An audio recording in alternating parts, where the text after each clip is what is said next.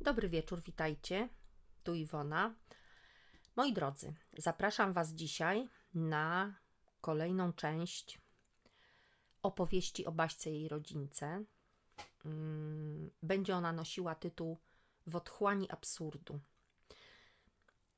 Wyniknęła ta nazwa w zasadzie z okładki pierwszej serii. Yy, Wymyśliła ją Natalia i bardzo mi się spodobała.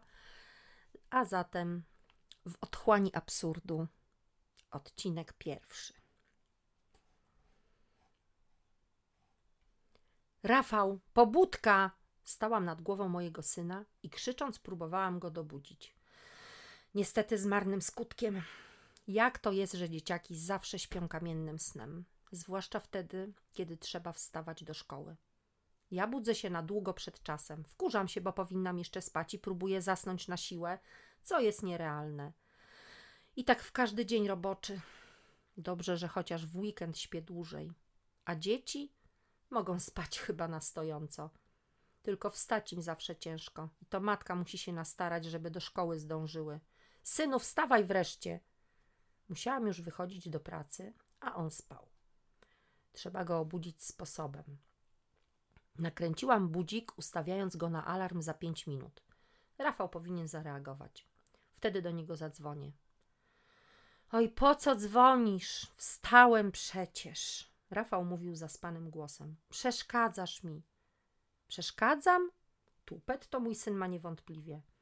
No tak, bo muszę się umyć, a ty dzwonisz. Też cię kocham, synu. Miłego dnia, pa. Pa. Pretensja w głosie trochę ustąpiła. Cóż, dzień jak co dzień. W pracy obłęd. Jak nie ma roboty, to nie ma. Ale jak zwali ci się na głowę z siłą huraganu, to nic nie poradzisz.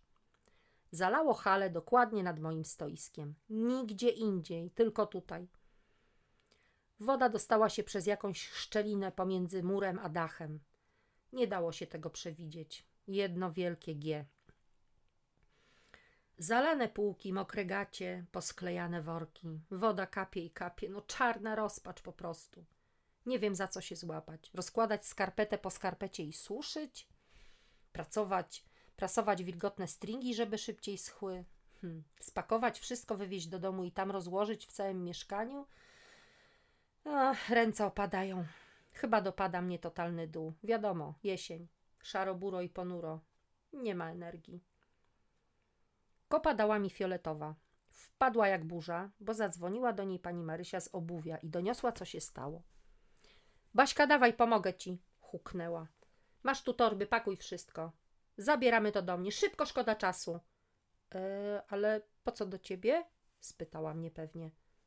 Misiek już rozwiesza sznurki między krzesłami. Będziemy suszyć. No spiesz się.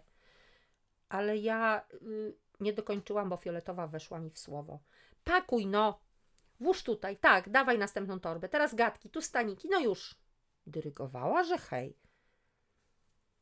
Dobra, ja to zabieram, a ty wycieraj półki. Wodę zbieraj do wiadra. Jak skończysz, dzwoń, to pa. Krzyknęła na pożegnanie i tyle ją widziałam. Wzięłam się ostro do pracy i w dwie godziny wszystko było suche. No, prawie wszystko. Jeden z regałów tak namógł wodą, że aż rozwarstwiły się półki. Trzeba było go wystawić. Pomógł mi pan Kazik z ochrony i wynieśliśmy go na śmietnik. Zadzwoniłam do fioletowej. Skończyłam. Jak tam rzeczy? Podeschły trochę? Och, misiu prasuje. Została mu jeszcze jedna torba męskich slipów do suszenia, stwierdziła i dodała. Ja składam to, co wyprasował. Podjadę zaraz do ciebie. I zanim zdążyłam coś powiedzieć, rozłączyła się. Domowe prace nie były ulubionymi zajęciami fioletowej. Nudziły ją. Wolała bardziej kreatywne zadanie niż prasowanie czy sprzątanie, bo roznosiła ją energia. Dobra, dawaj, przestawiamy, zarządziła po przybyciu na halę. I nim się obejrzałam, półki zmieniły układ. Nie rzucało się już w oczy puste miejsce po zniszczonym regale. Wszystko czyściutkie, pachnące, świeże. Do wieczora półki były pełne towaru, który dowiózł misiek. Nie ma tego złego, co by na dobre nie wyszło. W domu zadziwiająca cisza. Dzieciaki oglądają jakiś film.